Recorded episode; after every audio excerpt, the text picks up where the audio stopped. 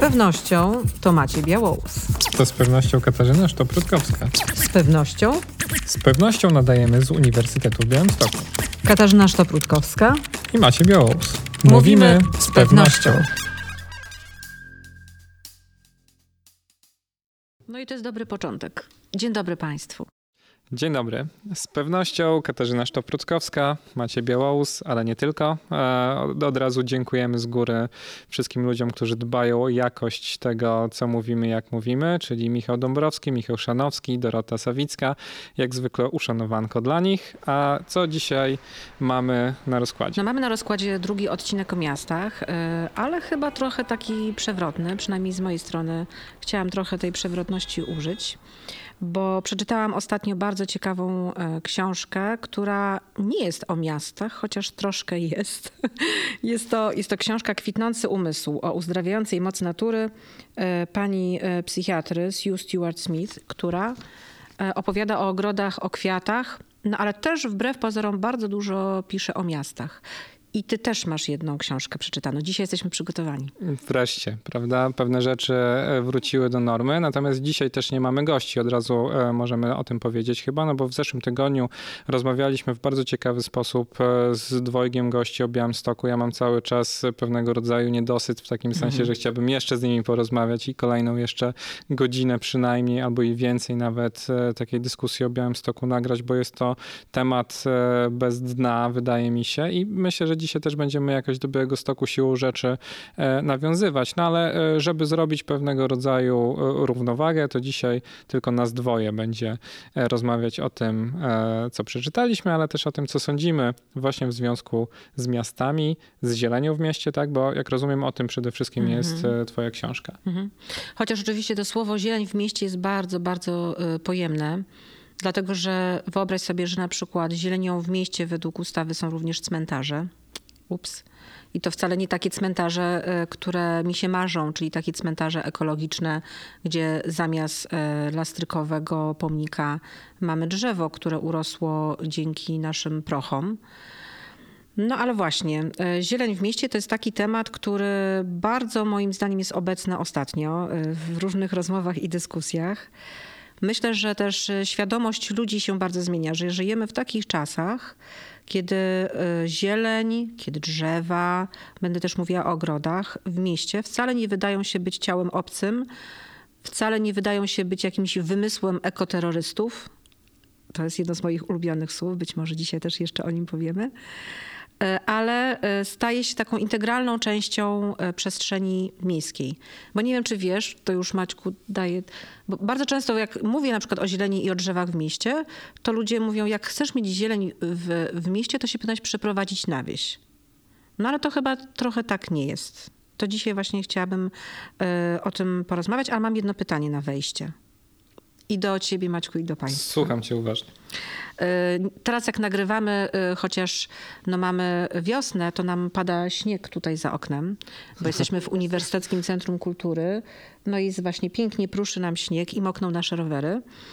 E, I chciałam zapyta- zapytać, czy lubisz zapach wilgotnej ziemi? Lubię bardzo i myślę, że większość z nas tak naprawdę lubi. Jest w tym coś takiego wyjątkowo ożywczego i czuje się chyba taki kontakt z żywą naturą wtedy. Mhm.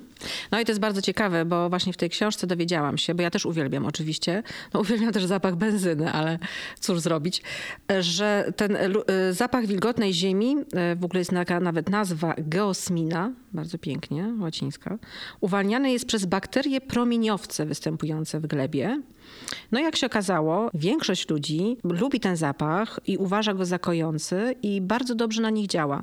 I e, pani e, autorka, czyli pani Sue Stewart Smith mówi o tym, że no, da się to wytłumaczyć nawet e, ewolucyjnie, to znaczy e, nasi pra, pra, pra przodkowie i pra, pra, pra przodkinie, kiedy z, na przykład szukali jakiejś ziemi uprawnej, która byłaby dobra pod uprawę, to właśnie ten zapach im mówił o tym, że tam jest dobra ziemia. Czyli to są takie perfumy bakteryjne. Bardzo mi się podoba, tak. To są perfumy bakteryjne. Ciekawe, Mo możemy e, któregoś razu porozmawiać o takich małych żyjątkach, bo to mnie też bardzo fascynuje zawsze. A może zrobimy jakiś taki crossover odcinek z biologami. E, ostatnio czytałem o niesporczakach. Nie wiem, czy znasz o, takie, nie, takie nie, postaci. Ale brzmią ciekawie. E, z zwane są też chyba niedźwiadkami wodnymi, bo pod mikroskopem wyglądają Słodka. trochę jak takie przytulanki. Natomiast generalnie rzecz biorąc niesporczaki są super, bo są praktycznie niezniszczalne. To są jedyne e, zwierzęta, chyba to są zwierzęta, jeżeli pamiętam, mhm. które wytrzymują promieniowanie kosmiczne, e, ciśnienie 600 atmosfer, e, przeżywają w, w prawie absolutnym zerze, jeżeli chodzi o temperaturę i tak dalej, i tak dalej. Tak więc to... Niesporczaki? Niesporczaki. Niesporczaki, Niesporczaki ale trzymajmy się może niedźwiadków wodnych, bo to brzmi też o wiele przyjemniej. To są moi bohaterowie, mhm. cisi bohaterowie ostatnio moi. No to super, czyli okazuje się, że po wielkiej katastrofie, która nas zapewne czeka, yy, przeżyją karaluchy i niesporczaki. Tak, ja będę kibicować niesporczakom jakby w tej w walce o hegemonię yy, nad, nad, nad, planetą Ziemią. Ale słuchaj, wracamy do rzeczy, bo trochę chyba odpłynęliśmy. No tak, troszeczkę odpłynęliśmy, myślę, że tak. Chociaż oczywiście bakterie to jest ten świat zwierząt i to jest bardzo, bardzo ciekawa książka i myślę, że też bardzo ciekawe myślenie o mieście, że jednak jest to jakaś, jakaś pewna spójna całość, czyli nie tylko e, szerokie ulice, wylany beton lub też granit. O tym też myślę, że będziemy mówić. No ale właśnie ta cała tkanka e, zwierzęco-roślinna. Mhm. Tak? I, I to też jest miasto. Tak? To jakby nie możemy za, zapominać, że to jest pełen e, ekosystem. I mm, bardzo ciekawe mm, słowo, które tutaj bardzo często jest użyte, użyte i używane od ojca socjobiologii, jednego z takiego nurtu w biologii. Tak, o troszeczkę, troszeczkę chyba zapomnianego już, ale to też jest podstawa na przykład psychologii środowiskowej. Bardzo różne dziedziny nauki z tego czerpią, dyscypliny naukowe. Biofilia, to znaczy Biofila pokazuje, czy opisuje taki stan gatunku ludzkiego, który mówi o tym, że my w sposób jakby naturalny dobrze się czujemy na terenach zielonych, w kontakcie z roślinami.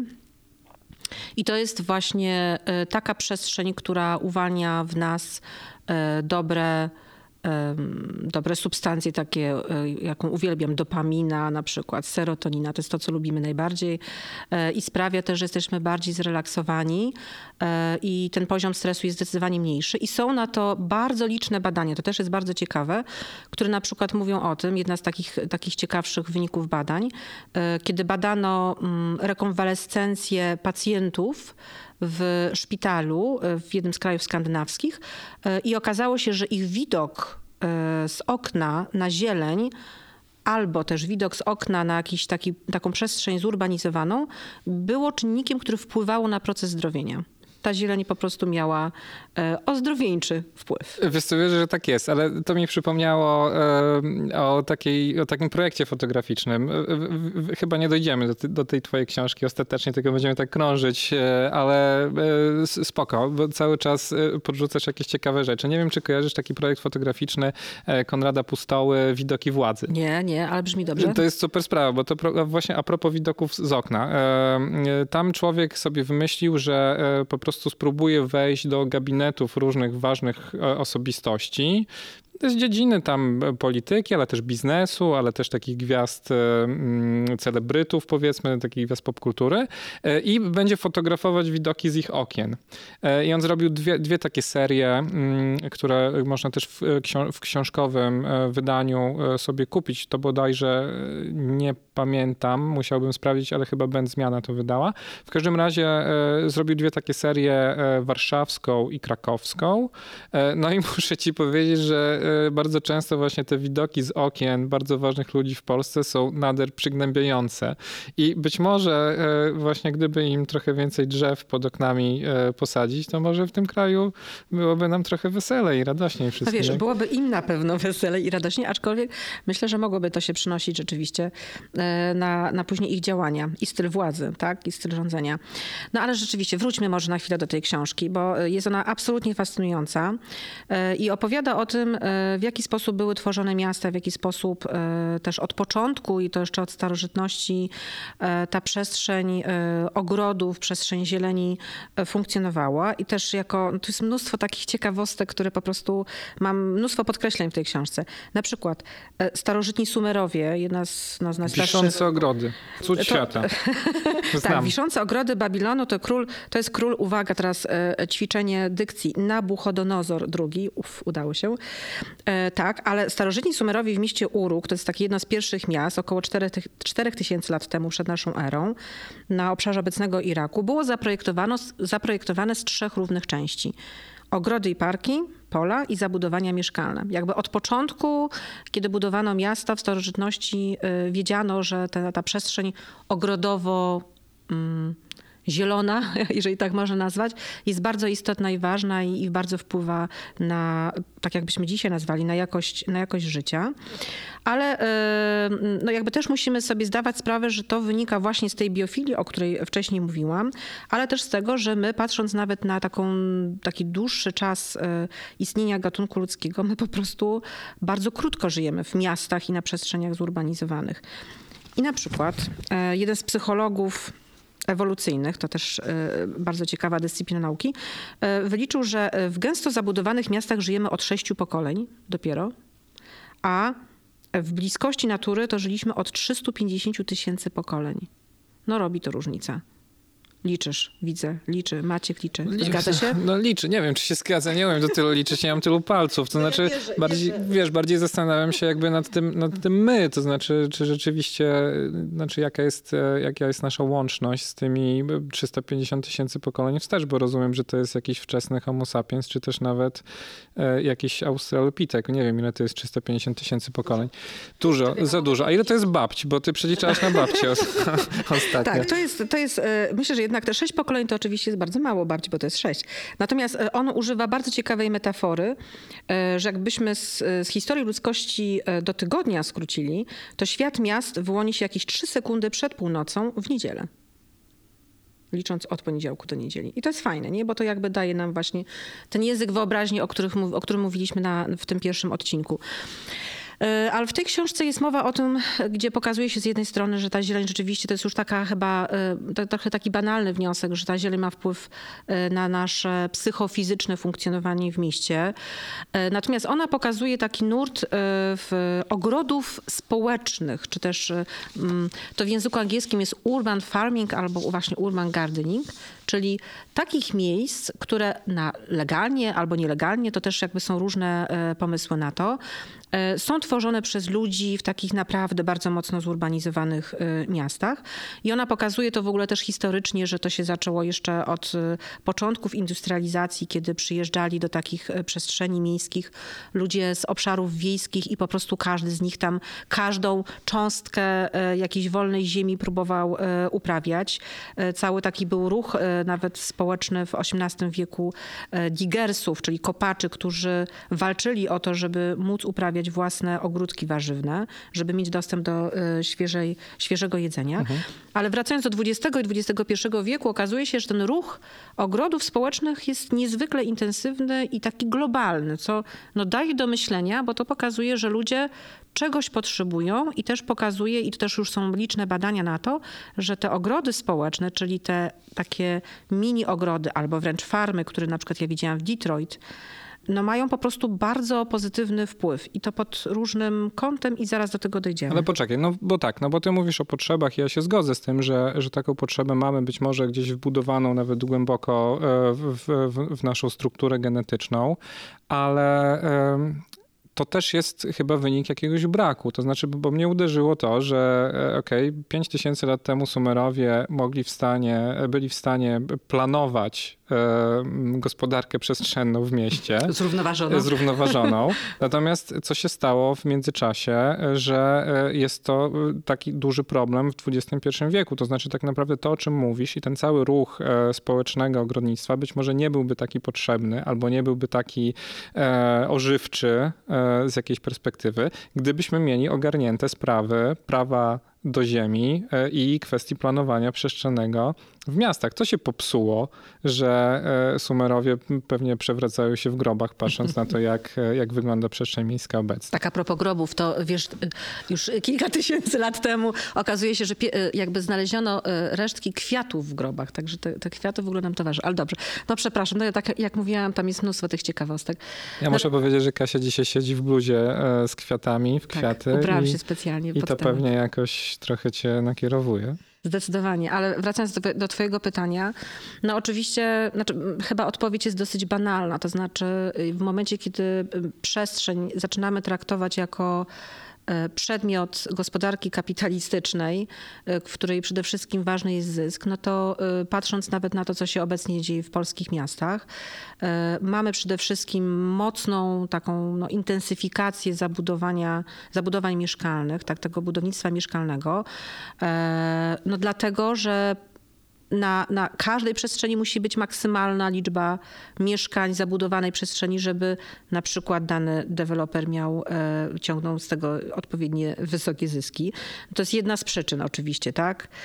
E, natomiast myślę, że też druga z takich przyczyn to jest to, że bardzo długo myśleliśmy w takiej opozycji wieś i miasto.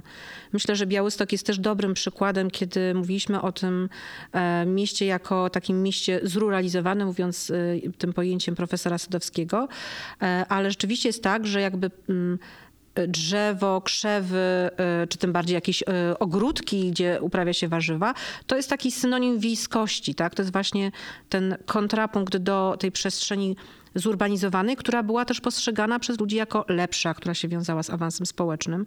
Więc myślę, że w naszych głowach bardzo długo pokoleniowo, ja mam coś z tymi pokoleniami jednak, e, tkwił taki właśnie taka sprzeczność, tak, że miasto i wieś to są kompletnie różne przestrzenie.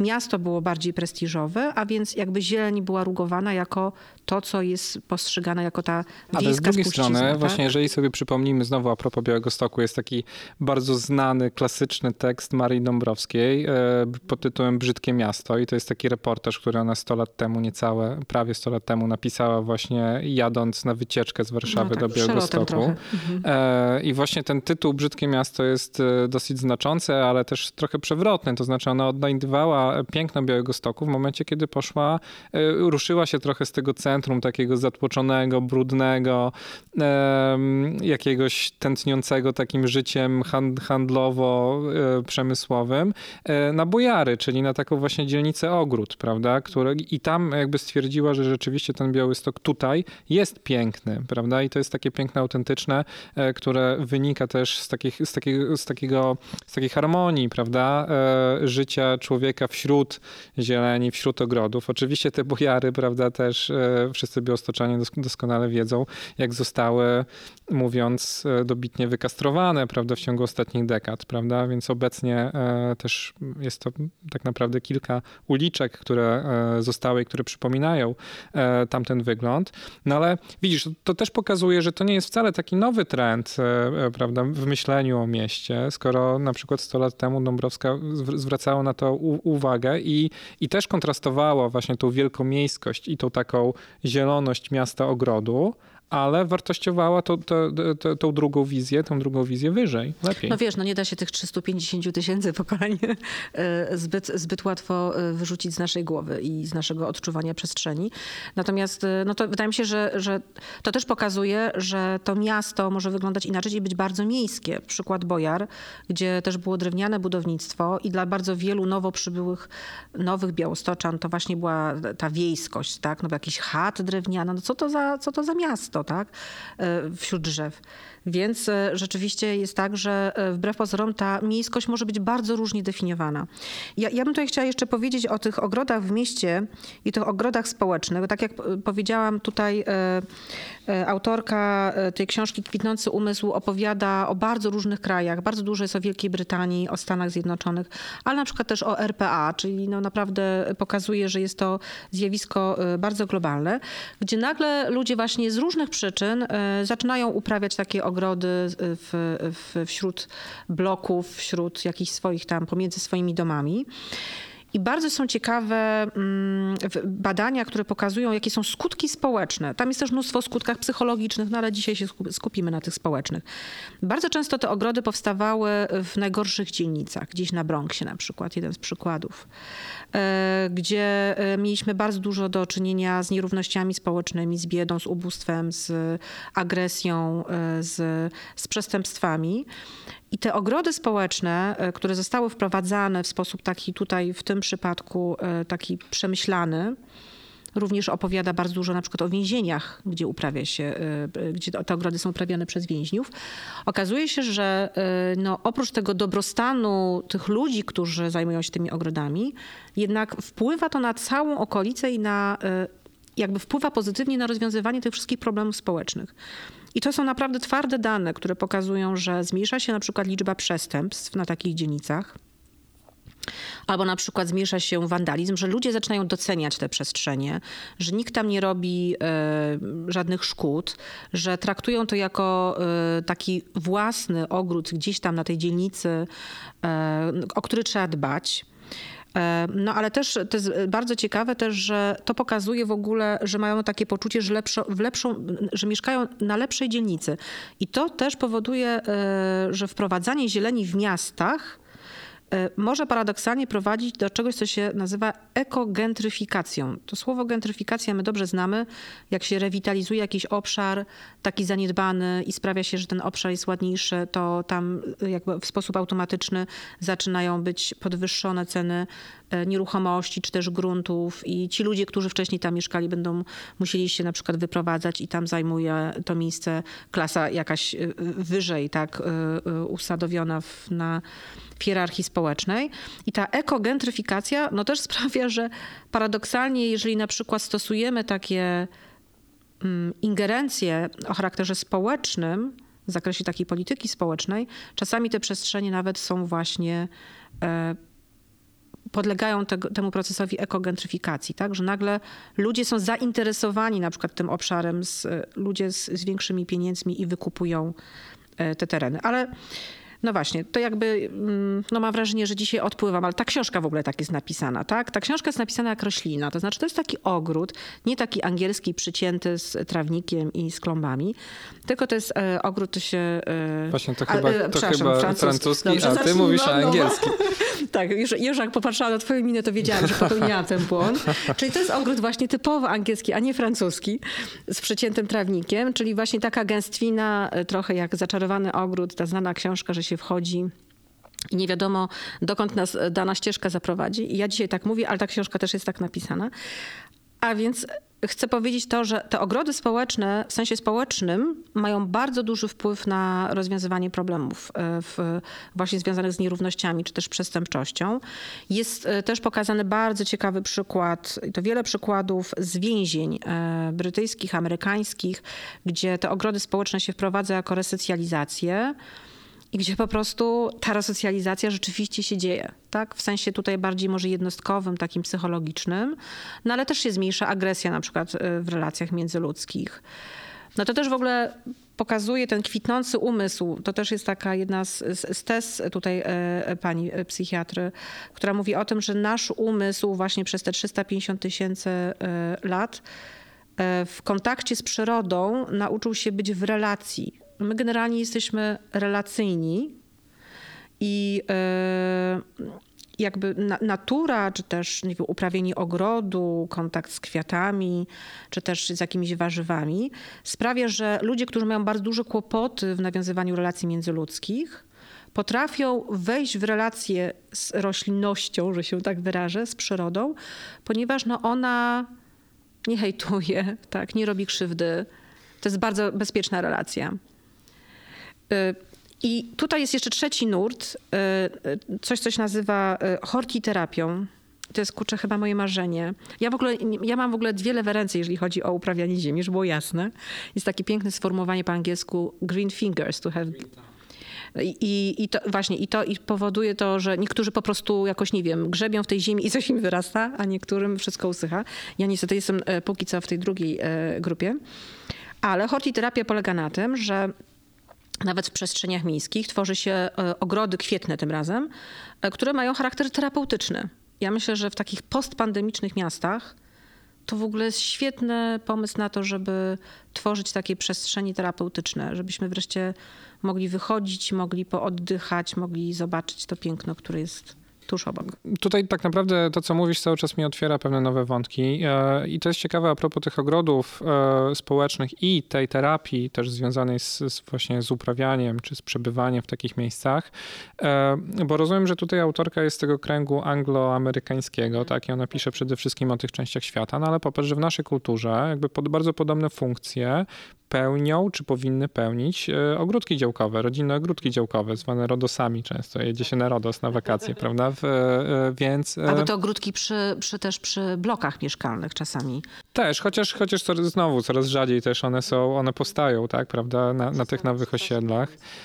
Więc to też jest na przykład temat, który jest bardzo ważny i w ciągu ostatnich dekad w Polsce przecież dosyć głośne były i punktowo e, różne takie spory na temat przestrzeni właśnie takiej działkowej, która na przykład e, e, mogłaby być wykorzystana, czy na przykład deweloperzy chcieliby po prostu wykorzystać ją inaczej jako na przykład atrakcyjne działki blisko centrum miasta, na których można by było zbudować, prawda, jakieś lokale mieszkalne. Natomiast okazuje się, że to nie jest, prawda, jakieś widzimisię grupki starszych ludzi, którzy po prostu spędzają czas na działce, działce, tylko rzeczywiście społecznie, z punktu widzenia w ogóle funkcjonowania mieszkańców miasta, to mogą być naprawdę bardzo istotne istotne sprawy i dlatego warto jest, żebyśmy też e, traktowali mm, pewne takie zjawiska, jak na przykład ogródki działkowe, nie jako spuściznę, e, prawda, PRL-owską, tylko jako coś, co może być naprawdę bardzo progresywne też, jeżeli chodzi o poczucie naszego dobrostanu, prawda, jakości życia w mieście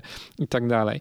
A druga rzecz właśnie o tych ogrodach i o tych parkach, które, które powiedziałaś, w przypadku Polski, czy w przypadku Białegostoku, może znowu trzymajmy się trochę tego, bo też to będzie jakieś takie postscriptum do tego, o czym mówiliśmy e, w czasie poprzedniego odcinka. E, spójrz, że mówi się, e, czy dyskutuje się dużo o tym, czy Białystok jest zielony, czy nie jest zielony, czy jak bardzo jest zielony, prawda? Ale tutaj wydaje mi się, że niektórzy, czy na przykład władze być może miasta, troszeczkę pomijają też kwestie dostępności. To znaczy, bo to nie chodzi tylko o to, żeby pokazać, że u nas jest 20% zieleni w mieście, a gdzieś jest 17 albo 13, tylko też e, chodzi o to, jak na przykład blisko naszego miejsca zamieszkania jest taka zieleń. Ja byłem e, ostatnio w weekend na, na plantach, e, ale to generalnie zawsze tak jest na plantach, e, jak jest ciepło i jak jest weekend. Planty są po prostu przeładowane, dlatego że tam jest całe miasto, ponieważ nie ma innych terenów zielonych bliżej, gdzie można by było miło spędzić czas, więc wszyscy jadą do centrum, do tego jedynego dużego parku, który jest. I w związku z tym jeszcze nie jest być może to taka sytuacja, że ludzie wchodzą sobie na głowy, ale prawie, prawie. A jeżeli pójdziemy na plac zabaw, to rzeczywiście już tam ludzie wchodzą sami sobie na, na głowy, bo jest tylko swoją drogą jeden plac zabaw tak naprawdę na dobrą sprawę, które, które e, dzieci mogą wykorzystywać. Więc to jest też kwestia e, nie tylko tego, czy ta zieleń jest, ale na ile jest dostępna i jak blisko ona jest, bo wydaje mi się, że w przypadku wielu osiedli w Białymstoku, no po prostu nie ma takich możliwości, żeby w, e, tak jak mówię, mówisz e, często o tych miastach odpornych, prawda? Nie ma w odległości 15 minut mie miejsca zielonego. Znaczy jesteśmy poniżej, są takie badania, które ostatnio odbiły się też e, dosyć dużym echem, kiedy e, badano metodą takich obrazów satelitarnych i to dotyczyło też takiej zieleni wysokiej jakości, to też jest ważne, o jakiej właśnie zieleni mówimy w mieście. I rzeczywiście wyszedł Białystok poniżej średniej w Polsce, jeśli chodzi o dostępność do obszarów zielonych. I tutaj chciałabym jeszcze też powiedzieć, że jest bardzo ciekawe takie pojęcie, które moim zdaniem zrobi prędzej czy później większą karierę, pojęcie niesprawiedliwości środowiskowej. To znaczy, e, to jest właśnie to, o czym ty mówisz, tak? Czyli e, bardzo często zdarza się tak, myślę, że na Zachodzie czy w Stanach Zjednoczonych jest to bardziej widoczne w Polsce i to dzięki moim zdaniem PRL-owi i temu, w jaki sposób dobrze e, w czasie PRL-u bardzo często budowano te osiedla, te starsze zwłaszcza, tak, na początku lat 60., że dostęp do obszarów zielonych bardzo często dotyczy osób bogatszych, tak, tych lepszych osiedli, tych miejsc, które są właśnie związane z tak zwanym lepszym adresem. Myślę, że w Polsce powoli też to zacznie się dziać, być może, jeżeli nie zatrzymamy tego i rzeczywiście nie zaczniemy planować tego miasta w sposób taki zrównoważony, ale również zrównoważony pod względem dostępności do tej zieleni. Ja uważam, że to jest bardzo, bardzo ważna e, rzecz. No tam jeszcze jest mnóstwo, naprawdę bardzo Państwu polecam w ogóle tą książkę, bo ona jest absolutnie, jest taka wielowątkowa y, i y, jest i o ogrodach, i o kwiatach, i o przestępczości, i o zdrowej żywności, bo to też jest jeszcze, to jest ostatni taki nurt w tych y, ogrodach społecznych, bo to nie, czasami to są po prostu uprawy. Ja widziałam w Detroit, gdzie na takich, takich przestrzeniach, gdzie no to jest, widać było rzeczywiście, że jest to miasto upadłe, gdzie po prostu były puste pola, w ogóle tam jest też też bardzo zatruta ziemia, też jakby inna, inna rzecz, trzeba było stosować bardzo specyficzny sposób uprawiania tych roślin. No po prostu powstają całe farmy, które stają się takimi społecznymi przedsiębiorstwami i cały też powstaje rynek zdrowej żywności, która mówi o tym, że spożywamy na przykład w danych restauracjach rzeczy, które są uprawiane bardzo blisko Detroit albo w samym Detroit, po to, żeby zniwelować chociażby koszty takie energetyczne, klimatyczne związane z przewozem, e, z przewozem E, mm, żywności. Więc e, ta zdrowa żywność e, to jest też jakby ten kolejny wątek, że ludzie zaczynają myśleć o tym, że chcą mieć tego świeżego ogórka z, z własnego ogródka i nie muszą wcale mieszkać na wsi, żeby mieć prawo tak, do niego. No bardzo dużo ciekawych takich nurtów i myślenia o mieście trochę inaczej. Moim zdaniem właśnie na przekór mówienia o tym, że miasto musi być koniecznie z szerokimi ulicami, e, dużą liczbą e, zabetonowanych e, przestrzeni. No i też oczywiście w kontekście kryzysu klimatycznego mówi się o tym bardzo dużo. Ja wiem, że jest taki wątek, którego, który cię trochę denerwuje, czyli to jest to, co związane z ekonomizacją przyrody w mieście, ale moim zdaniem to jest bardzo fajne. To znaczy zaczyna się przeliczać wartość i produktywność na przykład drzew w mieście. Moim zdaniem jest to bardzo istotne, bo to przekonuje ludzi, którzy myślą w takim kontekście no właśnie bardziej finansowym, że drzew w mieście to jest inwestycja. To nie jest no tylko właśnie nie koszt. sądzę. To znaczy, co mnie mhm. denerwuje, to jest właśnie to, że to może być bardzo wygodny mechanizm tego, co nazwałeś wcześniej gentrifikacja. To znaczy po prostu może być tak, że e, taki e, sprytnie myślący e, deweloper czy planista jakby zostawi drzewa wokół na przykład jakiegoś bloku i przez to ceny mieszkań w takim miejscu będą wyższe. Kto za to ale zapłaci? To już się dzieje, ostatecznie, wiesz, to już się dzieje. To już tak. się dzieje, ale, mhm. ale to nie znaczy, że mi się to musi podobać w związku z tym. Nie, no właśnie mi się to nie podoba. Znaczy mi się nie podoba generalnie, ponieważ widzisz, ja cię pytałem o tych sumerów i tak dalej. Myślę, że oni nie mieli problemu z planowaniem miejskim e, i mogli znaleźć jedną trzecią dla ogrodów i dla zieleni, właśnie dlatego, że nie musieli o tym myśleć w takich kategoriach. To znaczy, jeżeli e, ziemia jest e, rozpatrywana tylko i wyłącznie w kategorii zysku, jeżeli drzewo staje się towarem, tutaj pójdę, pójdę taki parafrazą sloganu politycznego. Drzewo mm -hmm. prawem, nie towarem. No jakby mm -hmm. umówmy się. Mm -hmm. Jeżeli zaczniemy wyliczać, że okej, okay, mały pniaczek tutaj jest warty 2000 zł, bo tyle na przykład produkuje tlenu, prawda, a ten jest warty 5000, no to to nam otwiera e, drogę do bardzo ryzykownych też manipulacji, prawda, bo tam, gdzie pojawia się wycena, jest pole do manipulacji, no umówmy się. I to mm. dlatego uważam za, za niebezpieczne. E, no cudownie się z tobą nie zgadzam. Znaczy, w takim sensie, że ty mówisz o pewnej rewolucji w myśleniu, tak, że drzewo jest e, prawem. Jasne, zieleń w mieście jest naszym prawem, tak. I... Ale jaka rewolucja? To jest właśnie, no to wiesz, moje 350 tysięcy pokoleń we mnie mówi, że drzewo jest e, towarem. No to właśnie wiesz, no, tak, że drzewo tak. jest prawem. To, że drzewo jest towarem, to to jest właśnie te trzy sekundy w niedzielę wieczorem, tak. nie? I jakby nie ma na to mojej znaczy, Masz, masz tutaj rację i oczywiście zgadzam się z tobą, natomiast wydaje mi się, że jesteśmy w takim momencie, że to nie przekona ludzi władzy, właśnie nie przekona decydentów, żeby potraktować tą zieleń inaczej w mieście. I moim zdaniem takie... Mm, próby wyceniania, ostatnio też na przykład w Warszawie drzewa na Pradze zostały wycenione i okazuje się, że mają wartość ponad 100 milionów złotych i przynoszą miastu w Warszawie 2 miliony oszczędności rocznie. I moim zdaniem to jest taki argument, który może po prostu przekonać e, takiego prezydenta, burmistrza, urzędnika, że hej, może jednak nie warto tego drzewa wyciąć, bo ta mała sadzoneczka, która będzie posadzona, to ona kompletnie ma inną wartość, o wiele niższą niż dorosłe drzewo. Więc ja jestem też, e, jestem generalnie za tą rewolucją, o której ty mówisz, w myśleniu, chociaż być może to rzeczywiście nie jest rewolucja, tylko no tak powinno być, ale myślę, że w dobie kapitalizmu jest to rewolucja. Natomiast wydaje mi się, że taki kroczek e, argumentacyjny pod tytułem e, to jest wartościowe i to jest tak samo wartościowe jak ten biurowiec obok, no może zmienić po prostu sposób planowania miasta.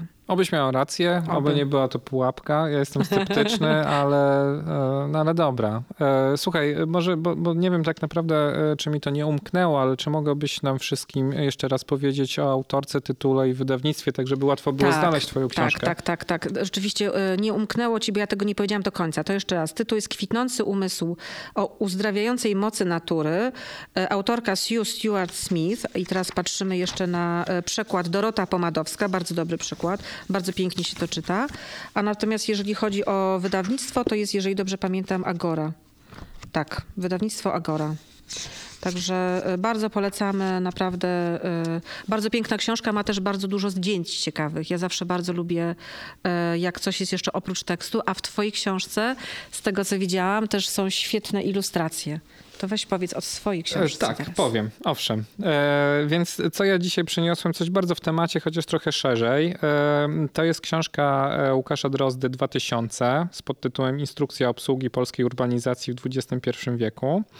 E, z ilustracjami Karoliny Wojciechowskiej. Całość jest wydana przez Band Zmianę i Band Zmianę rzeczywiście dosyć często robi taki manewr, że swoje książki e, też e, zdobi ilustracjami, przy czym te ilustracje to nie jest takie, znaczy to nie są czysto ilustracyjne rzeczy, ale raczej takie wizualne rozwinięcie. Wkład artystyczny. Tak, taki, taki, taka wartość dodana. Ja bardzo to szanuję i tutaj jest podobnie, bo to są takie kolaże, które, świetne są, które są świetne i które oddają właśnie taki klimat współczesnej polskiej modernizacji. W ogóle, jakby jeżeli tutaj już mówimy o, o nawykach wydawniczych e, będ zmiany, to też e, może warto powiedzieć, bo też bardzo to lubię, że oni na końcu zawsze obok ceny książki sugerowanej e, podają, mm, co się mm, składa na tę cenę. Tak? Bardzo znaczy... mi się to też podoba ta praktyka i ona bardzo dużo pokazuje. Mhm. Tak, czyli wiemy na przykład, że z 36 zł, które ta książka powinna kosztować w księgarni, honorarium autora, redakcji językowej, korekty i tak dalej, i tak dalej, to jest 4,95 na przykład, mhm. prawda? Co też można sobie wyobrazić, jak e, niełatwo być e, naukowcem piszącym książki. Albo w ogóle literatem w tak. Polsce, bo naukowiec to jeszcze prawdopodobnie e, może mieć posadę na uczelni, natomiast pisarz, który chciałby być tylko pisarzem, to właśnie nie jest lekko. W każdym razie, ale wracając do, do tej książki, bo wydaje mi się, że ona jest takim fajnym e, nawiązaniem czy rozwinięciem tego, co ty mówiłaś, ponieważ to jest e, w zasadzie taki przewodnik czy leksykon. No tutaj w tytule jest instrukcja obsługi. No więc e, Łukasz Drodze we wstępie pisze, że mm, to jest taka książka, która mogłaby posłużyć właśnie reptilianom, czyli takim najeźdźcom z kosmosu, którzy chcieliby skolonizować naszą część e, Ziemi. Jeśli chcieliby. Jeśli chcieliby, właśnie, żeby zrozumieli, co się tu dzieje w, w kwestiach przestrzeni. I to jest taka książka, która wydaje mi się bardzo fajna z dwóch względów, a nawet może z trzech. Znaczy, po pierwsze, rzeczywiście streszcza e, takie najważniejsze wątki, najważniejsze tematy które jakoś tam rozpalają wyobraźnię a propos polskiej przestrzeni, w miastach przede wszystkim, ale nie tylko. E, po drugie jest e, zorganizowana w taki sposób bardzo przejrzysty, ponieważ to jest właśnie coś w rodzaju leksykonu, to znaczy to są krótkie, kilkustronicowe takie rozdzieliki e, mm, podzielone na dwie części. Część pierwsza przestrzeń materialna i część druga przestrzeń ekonomiczno-społeczna i one są alfabetycznie poukładane, ale też są odnośniki w odpowiednich miejscach, tak że można tak naprawdę tę książkę czytać albo od początku do końca, albo tak skacząc e, sobie Tak jak wątkami. trochę encyklopedię, kiedy z dzieciństwa pamiętam, tak, że encyklopedię tak czytałam. Tak, albo, albo Wikipedię, e, prawda, gdzie mamy hipertekst i możemy sobie skakać. Ostatnio nawet widziałem jakiś taki filmik, który pokazuje, że prędzej czy później e, klikając w pierwszy hiperlink dowolnego hasła, prawda, to prędzej czy później ten łańcuszek e, nas zaprowadzi do hasła filozofia, który jest jakby o, takim... ciekawe. To na pewno filozof napisał. Filozofowie stoją za, za Wikipedią, jest to spisek e, jakichś filozofów. E, więc w każdym razie mamy tutaj właśnie taką fajną, bardzo użyteczną formę tej książki. No i wreszcie jest ona napisana z jednej strony ze, zna, ze znawstwem i i, i serio, ale też z pewnym poczuciem humoru oczywiście, właśnie tak, żeby ci reptilianie też mogli się trochę rozerwać, więc na przykład jest taki tutaj rozdział pod tytułem Kozi wegański bezglutenowy sernik słodzony stewią od gospodarza z Podłomży. Jako... E, no i oczywiście on opowiada o tych, o tych wszystkich zjawiskach właśnie e, tych różnych knajp, które się pojawiają, prawda, wegańskich, ale też bezglutenowych, e, prawda, ekologicznych i tak dalej, i tak dalej, co ma jakieś tam osadzenie oczywiście bardzo ważne i w takim, w takim e, procesie gentryfikacji, o których mówiliśmy, mhm. to znaczy często właśnie to w takich modnych dzielnicach tego rodzaju knajpy się pojawiają, prawda, i to też ma jakieś odzwierciedlenie społeczne, no ale też są takie, takie rozdziałiki tutaj, które oczywiście nawiązują w jakiś sposób do tego, o czym mówiliśmy wcześniej dzisiaj, czyli na przykład e, powierzchnia biologicznie czynna, jako mhm. taki urbanistyczny właśnie Bardzo ważny e, żargon. Tak, projektowania. Tak, projektowania, który odzwierciedla właśnie te tereny, które jakby mówiąc, e, przekładając to na język polski, to właśnie te tereny zielone są, przy czym właśnie... No tutaj właśnie są, tutaj, tutaj jest, to jest to miejsce, gdzie można robić te różne szwindle. Tak, tak, tak. Przekłamania, tak. tak, tak I w tak. zasadzie zupełnie mm. nieużyteczny skrawek, jakiś wąziutki trawniczka, któremu nikomu nie służy. Oczywiście też jest wliczany prawda, do, zielone. Tak. E, do, do, do całości. Tak więc e, t, t, takich rzeczy też oczywiście możemy, e, możemy tutaj się dowiedzieć i tych haseł jest naprawdę mnóstwo, więc nie wiem, możemy zrobić nawet taki mini quiz teraz, jak chcesz i no, powiesz jakiś numer strony, na przykład pomiędzy 29, gdzie się zaczyna spis, a 225. 198. 198. Ha, studenci. Niemożliwe. No nie, no naprawdę, pokazuje, pokazuje tak, są studenci. Prawda? Nie, to o studentach wszystko, wszystko, wszystko wiesz, wiemy. więc e, nie będę cię wypytywać no to ze studentów. stronę dalej, stronę dalej weź. A stronę dalej jest e, sztuka publiczna. O, proszę. I to też jest bardzo ważny wątek, prawda? E, w jaki sposób ta sztuka publiczna obecnie wygląda. Ja tutaj muszę pozdrowić w tym momencie moich studentów e, drugiego roku socjologii, z którymi mieliśmy zajęcia w ramach kursu e, Socjologia Sztuki. Właśnie rozmawialiśmy o sztuce publicznej.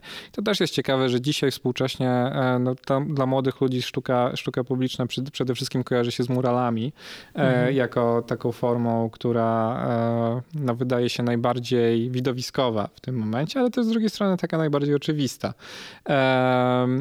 I to jest też pewne, pewne, pewne odniesienie do tego, o czym mówiliśmy w czasie naszej dyskusji, prawda, ostatnio, na ile na przykład Białystok jest miastem murali e, i na ile no tak, to wszystko zależy od tego, z jakim miastem porównamy, tak, ale...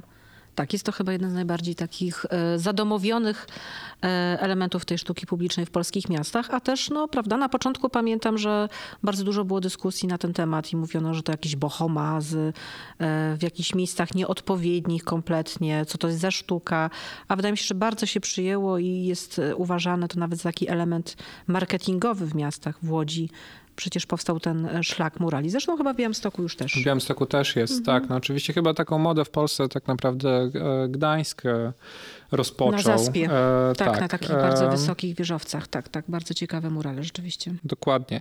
Więc e, dobrze, tak naprawdę myślę, że tutaj e, już nie będę ciebie dalej e, pytaniami dręczył. Chcę tylko zwrócić uwagę wszystkich, że i na temat gentryfikacji na przykład, o której dzisiaj sporo mówiliśmy, jest osobny rozdział. I na temat cmentarzy, o których też wspominaliśmy, mhm. jest osobny rozdział. Na temat zwierząt, dzikich zwierząt w miastach, które... W ogóle dzika przyroda i dzika, dzikie zwierzęta to jest coś nowego. Mam wrażenie, że trochę po pandemii to się chyba pojawiło. Jak nagle do tej przestrzeni zurbanizowanej weszły w sposób bardzo widoczny, to też nieraz mówiliśmy, jak dyskutowaliśmy o pandemii, dzikie zwierzęta. No, ja miałam na przykład pod blokiem stado dzików, które grasowało i mój syn opowiadał, jak ostatnio dziki były widziane na boisku szkolnym. E, no ale też przykład tych e, różnych zwierząt, które się nagle pojawiały e, i zjadały trawnik przed że tak powiem, urzędy miasta w Zakopanem, tak, z herbem. Więc no tak, tak. Wydaje mi się, że, że jest to taki temat, który pojawił się chyba po pandemii w sposób taki bardzo widoczny. Ale też enklawy dzikiej przyrody. To też jest bardzo ciekawe, bo też e, tak zwane nieużytki, coś co właśnie z punktu widzenia kapitalistycznego, e, czyli tego dewelopera czy też zarządzającego miastem jest czymś, co po prostu się marnuje. Nagle się okazuje, że te nieużytki e, zielone mogą być takim miejscem dzikiej przyrody i całego ekosystemu, który jest bardzo ważny i trzeba o nie dbać. Czy nie przeszkadzać. No właśnie, tak więc wątków jest bardzo dużo i coraz więcej, ale myślę, że powinniśmy w którymś momencie powiedzieć stop. Ale poczekaj, a poczekaj, a dyskusji. ja mogę ci zadać jeszcze jedno no, da- pytanie. No dobrze. Ale to będzie bardzo trudne pytanie. Z, y, zawsze się zadaje takie ró- różne pytania na spotkaniach z pisarzami na przykład. Czy możesz, Maćku, powiedzieć, jakie jest twój ulubione hasło w tej książce? Moje ulubione hasło? Tak. Oczywiście, że nie mogę powiedzieć, bo, e, bo było ich dużo takich, no ale teraz muszę szybko w takim razie Popatrz na spis treści. wy, wymyśleć e, jakieś. Popatrz, pa, tak, patrzę na, na, na spis treści. Mm, no myślę, że to jest taki, no to jest antyulubione, bo to jest tak naprawdę coś, co e, sprawia, że wpadam też w jakąś gorączkę e, po prostu i szał, e, kiedy widzę pastelozę na, na polskich osiedlach. I tutaj jest właśnie też rozdział dotyczący pastelozy, czyli właśnie tej estetyki e, przestrzeni publicznej, no, który, któ- o której też wydaje mi się, że powinniśmy dużo dyskutować i nad którą powinniśmy mocno pracować, ale to chyba już jest właśnie temat na e, osobną dyskusję i na kolejny Zapewne tak. jakiś czy któryś z kolejnych odcinków e, naszego podcastu. Tak więc myślę, że to jest dobry moment jednak, żeby skończyć. Mamy, e, mamy dwie fajne książki do polecenia, e, dużo wątków do rozmowy. Jeżeli chcielibyście Państwo jakoś włączyć się, to pamiętajcie, że można się z nami komunikować na Instagramie, można się z nami też komunikować e, na Facebooku Instytutu Socjologii Uniwersytetu w Białymstoku. Jesteśmy bardzo ciekawi też Waszych opinii i komentarzy. Tak, i, i ja bym też chciała poprosić osoby, które nas y, słuchają, żeby właśnie w tych miejscach, o których ty teraz przed chwileczką powiedziałeś, y, Maćku, żeby się podzielili też swoimi książkami o mieście, bo tych książek o mieście wyszło ostatnio bardzo dużo.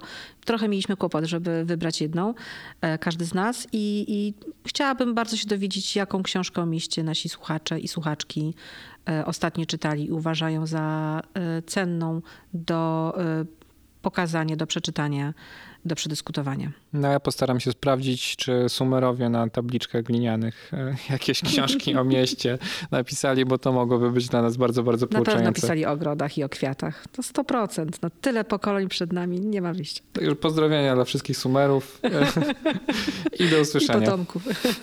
Do zobaczenia. Do widzenia. Nie można mówić do widzenia. Do Wiem. usłyszenia. Z pewnością to Maciej Białous. To z pewnością Katarzyna Sztoprutkowska. Z pewnością Z pewnością nadajemy z Uniwersytetu w Białymstoku. Katarzyna Sztoprutkowska. I macie Białous. Mówimy z pewnością. Dobrze. Tak, to my skończyliśmy nagranie. Dziękujemy. Na końcu świata? To my. Uniwersyteckie Centrum Podcastów. Na końcu świata. Na końcu świata.